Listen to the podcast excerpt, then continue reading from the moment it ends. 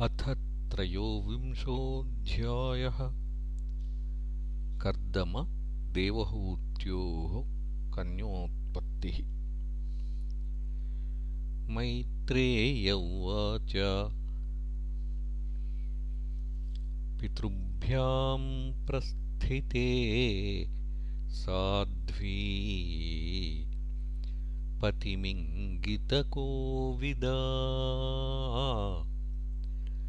नित्यं पर्यचरत्प्रीत्या भवानीव भवं प्रभुम्।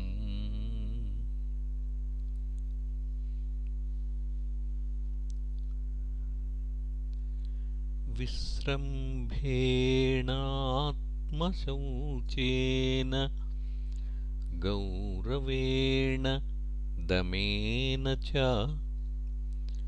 शुश्रूषया सौहृदेन वाचा मधुरया च भोः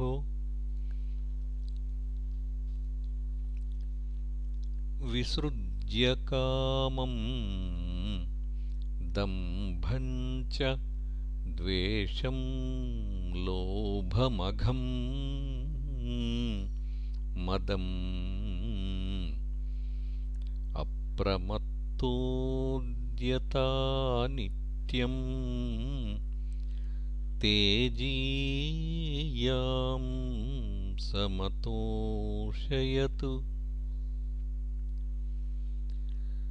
स वै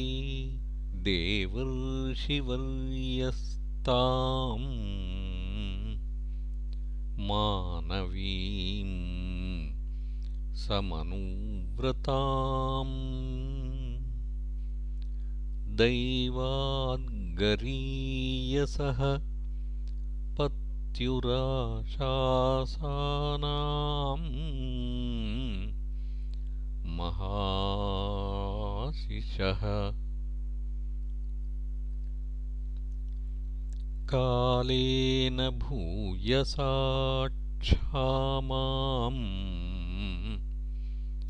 कर्षितां व्रतचर्यया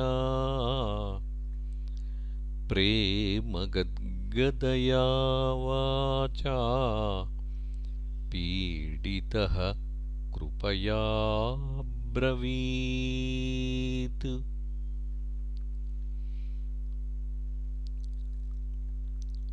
कर्दमौवाच। तुष्टोऽहमद्य तव मानविमानदायाः शुश्रूषया परमया। परया च भक्त्या यो देहिनामयमतीव सुहृत्स्वदेहो नावेक्षितः समुचितः क्षपितुं मदर्थे।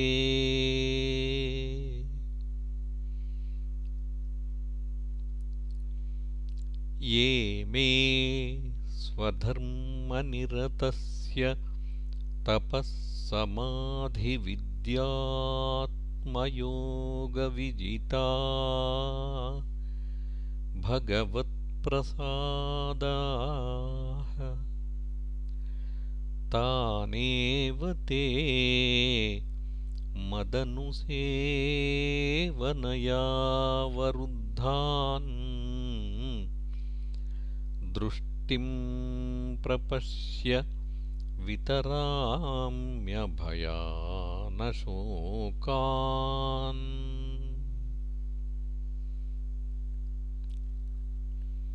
अन्ये पुनर्भगवतो भ्रुव उद्विजृम्भविभ्रंशितार्थरचनाः किमुरु क्रमस्य सिद्धासि भुङ्क्ष्व विभवान् निजधर्मदोहान्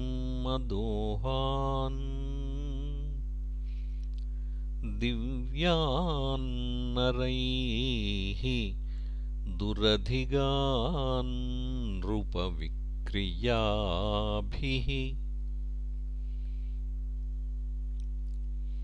एवं ब्रुवाणमबलाखिलयोगमाया। विद्याविचक्षणमवेक्ष्य गताधिरासीत्। सम्प्रश्रयप्रणयविह्वलया गिरेशत् व्रीडावलोकविलसद्धसिताननाः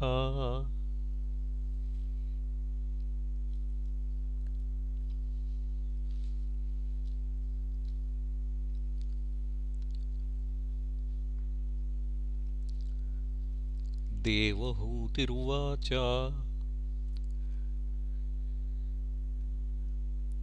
राद्धं बतद्विजवृषैतदमोघयोगमायाधिपे त्वयि विभो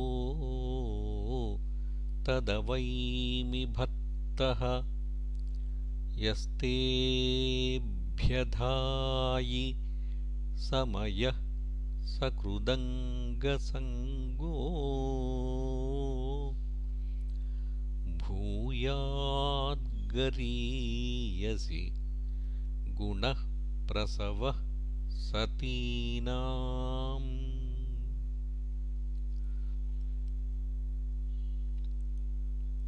तत्रेति कृत्यमुपशिक्षयथोपदेशम् येनैष मे कर्षितोति रिरंसयात्मा। सिद्धेत ते कृतमनोभवधर्षितायाः दीनस्तदीशभवनम् सदृशं विचक्ष्वा।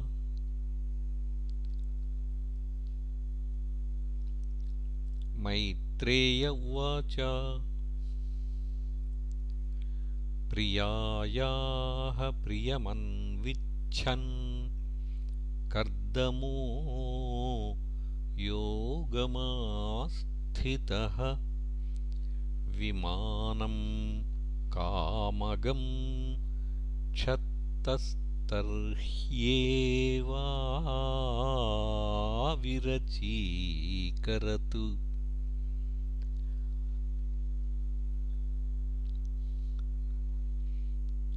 सर्वकामदुघं दिव्यं सर्वरत्नसमन्वितम् सर्वर्द्युपचयोदर्कं मणिस्तम्भैरुपस्कृतम्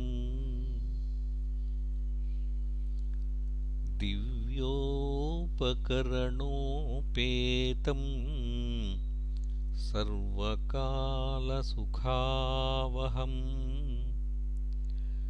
पट्टिकाभिः पताकाभिः विचित्राभिरलङ्कृतम्।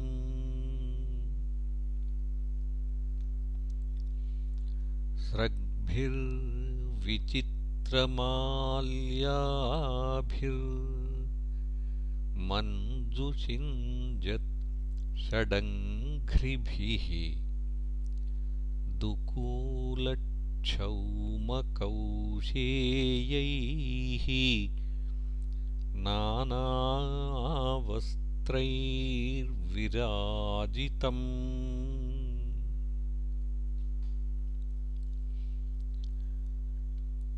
उपर्युपरि विन्यस्तनिलयेषु पृथक् पृथक् क्षिप्तैः कशिपुभिः कान्तम् पर्यङ्कं व्यजनासनैः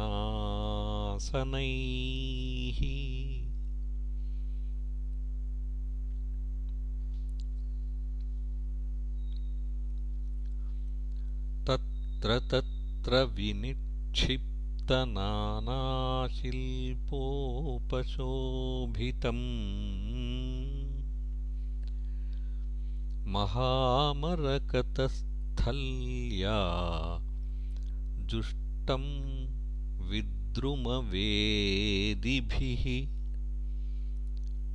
द्वास्थविद्रुमदेहल्या भातं वज्रकवाटवत् शिखरेष्विन्द्रनीलेषु हेमकुम्भैरधिश्रितम्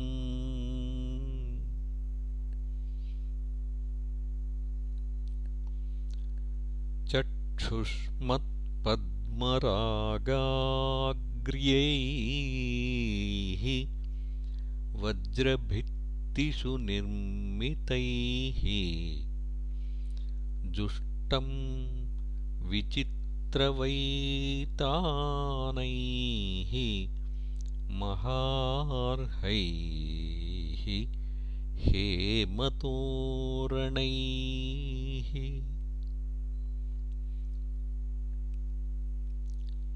हंसपारावतव्रातैः तत्र तत्र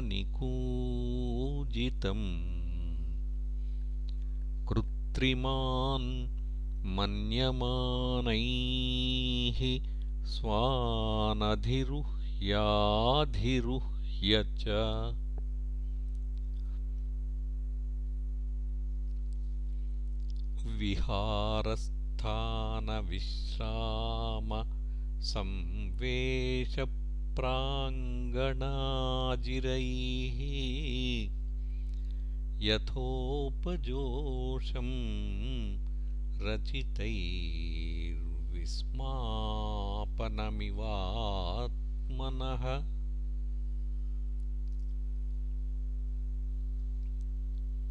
ईदृग्गृहं तत्पश्यन्तीं नातिप्रीतेन चेतसा सर्वभूताशयाभिज्ञः प्रावोचत्कर्दमः स्वयम्।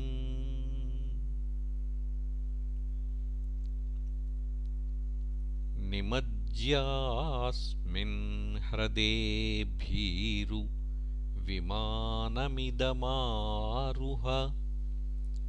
इदं शुक्लकृतं तीर्थम् आशिषां यापकं नृणाम्।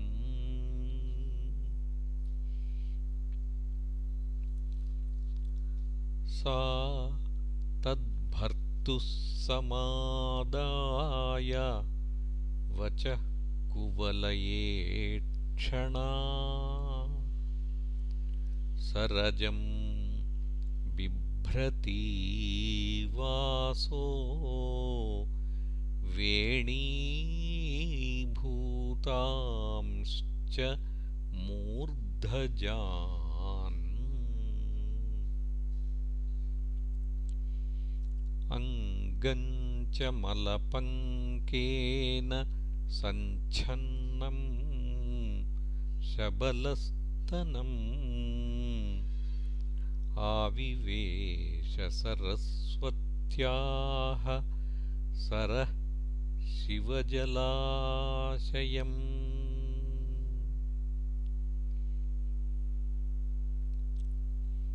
सान्तः सरसि वेश्मस्थाः शतानि दशकन्यकाः सर्वाः किशोरवयसो ददर्शोत्पलगन्धयः।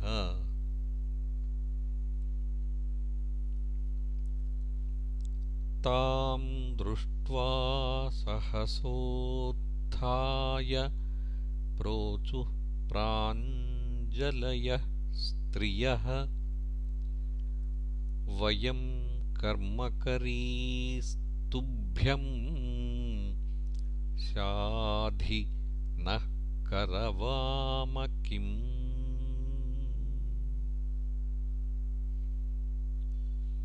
स्नानेन तां महार्हेण स्नापयित्वा मनस्विनी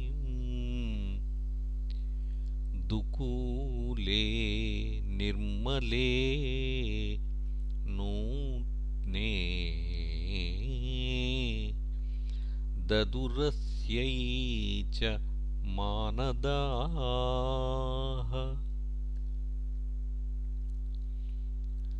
भूषणानि परार्ध्यानि वरीयांसि द्युमन्ति च अन्नं सर्वगुणोपेतम् पानं चैवामृतासवम्।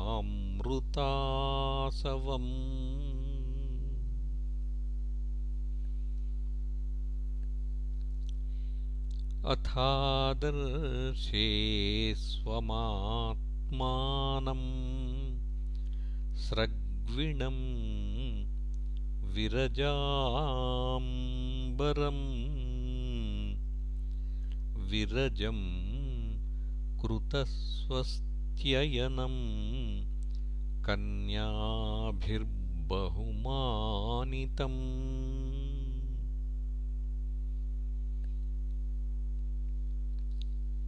स्नातं कृतशिरस्नानं सर्वाभरणभूषितम् निष्कग्रीवं वलयिनं कूजत्काञ्चननूपुरम्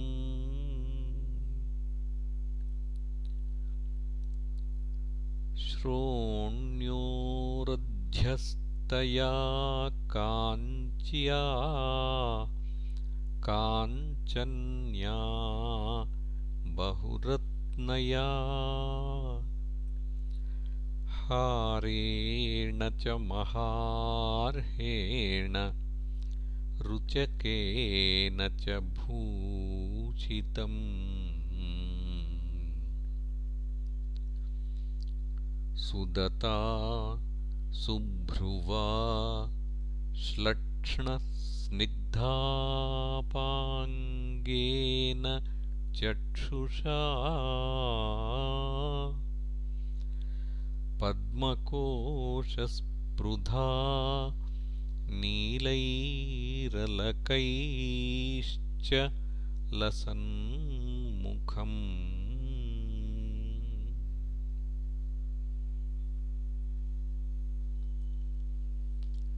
यदा सस्मारऋषभं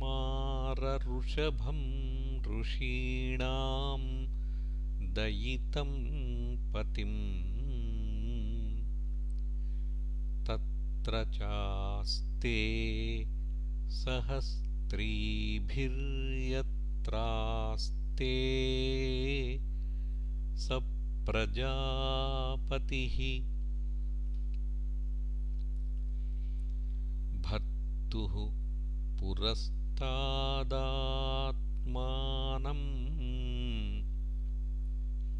स्त्रीसहस्रवृतं तदा। निशाम्यतद्योगगतिं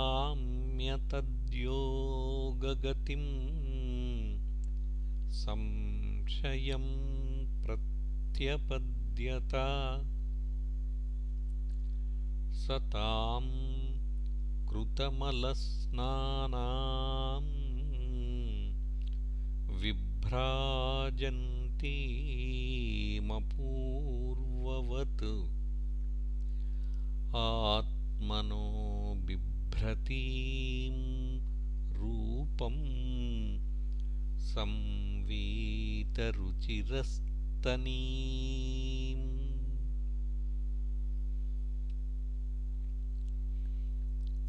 विद्याधरी सहस्रेण सेव्यमानां सुवाससम्। जातभावो विमानं तदारोहयदमित्रहन्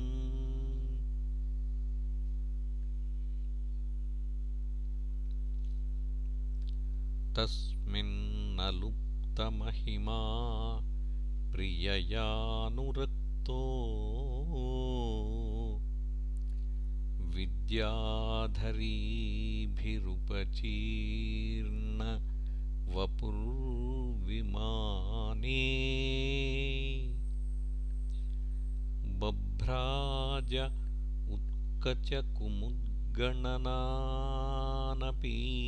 उत्कचकुमुद्गणनानपीत्यः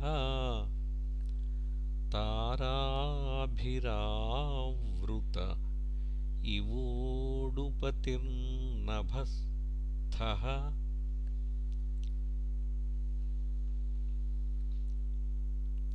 तस्मिन्नलुप्तमहिमा प्रिययानुरक्तो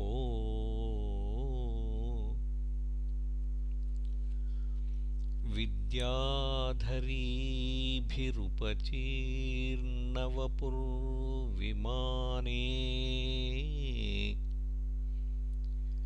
बभ्राज उत्कचकुमुद्गणवानपीच्यः ताराभिरावृत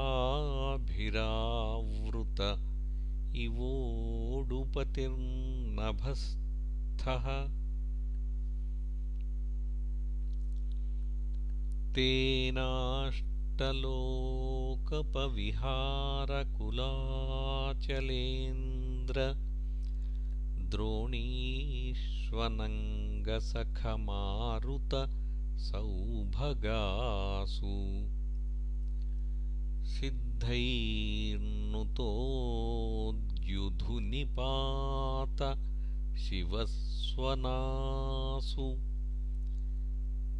रेमे चिरं धनदवल्ललना वरूथी।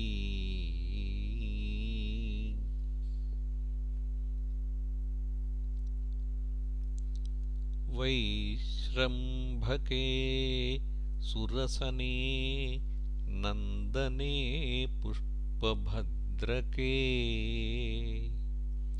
मानसे चैत्ररथ्ये च सरेमे रामयारतः।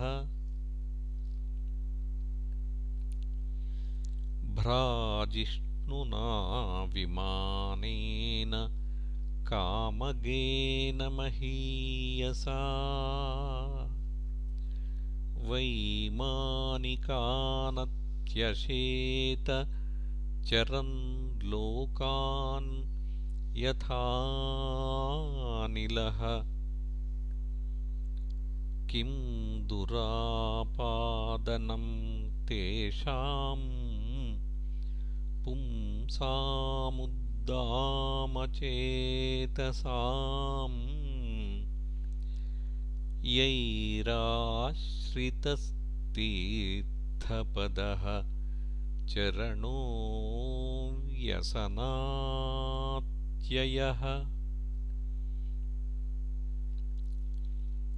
प्रेक्षयित्वा भुवो गोलम् पत्न्यै यावान् स्वसंस्थया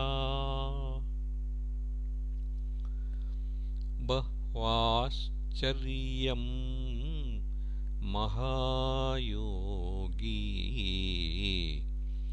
स्वाश्रमायन्यवर्तत।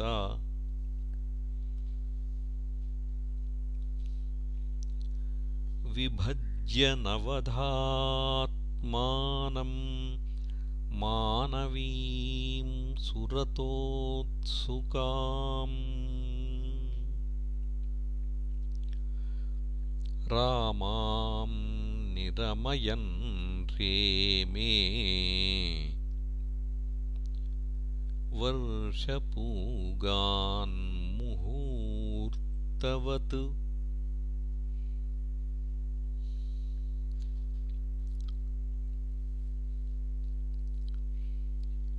तस्मिन् विमान उत्कृष्टां शय्यां रतिकरीं श्रिता। न चाबुध्यत तं कालं पत्यापीच्येन सङ्गता। एवं योगानुभावेन दम्पत्यो रममाणयोः शतं व्यतीयुः शरदः कामलालसयोर्मनाक्। तस्यामाधत्तरेतः स्वं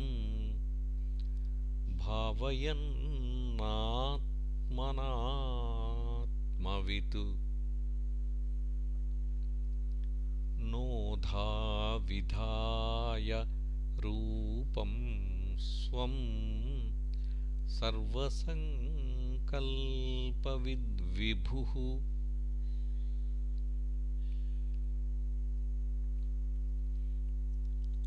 अतः सा सुषुवे सद्यो देवहूतिः स्त्रियः प्रजाः सर्वास्ताश्चारु सर्वाङ्ग्यो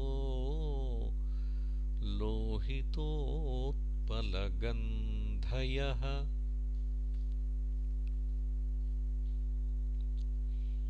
पतिं सा प्रव्रजिष्यन्तं तदालक्ष्योषती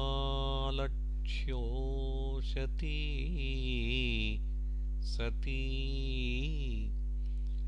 स्मयमाना विक्लबेन हृदयेन विदूयता।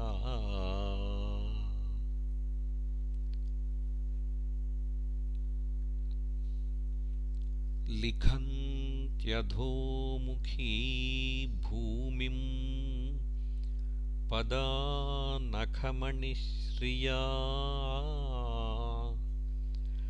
उवाच ललितां वाचं निरुध्याश्रुकलां शनैः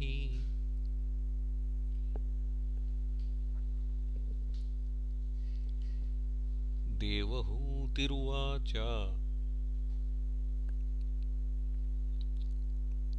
सर्वं तद्भगवान्मह्यमुपोवाह प्रतिश्रुतम्।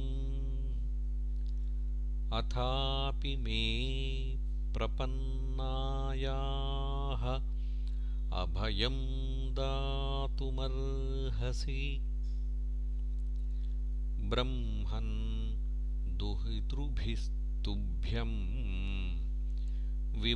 विमृग्याः पतयः समाः। कश्चित् स्यान्मे विशोकाय त्वयि प्रव्रजिते वनम्।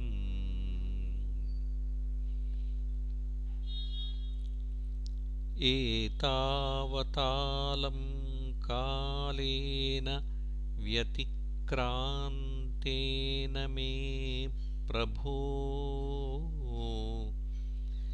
इन्द्रियार्थप्रसङ्गेन परित्यक्तपरात्मनः। इन्द्रियार्थेषु सज्जन्त्याः प्रसङ्गस्त्वयि मे कृतः अजानन्त्या परं भावम् तथाप्यस्त्वभयाय मे।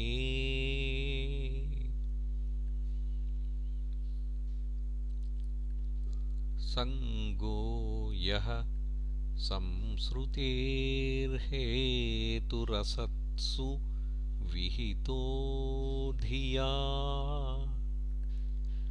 स एव साधुषु कृतो निःसङ्गत्वाय कल्पते। नेह यत्कर्मधर्माय न विरागाय कल्पते न तीर्थपदसेवायै जीवन्नपि मृतो हि सः। साहं भगवतो नूनं वञ्चिता मायया दृढम् यत्त्वां विमुक्तिदं प्राप्य न मुमुक्षेयबन्धनात्। इति श्रीमद्भागवते महापुराणे पारमहंस्यां संहितायां तृतीयस्कन्धे त्रयोविंशोऽध्यायः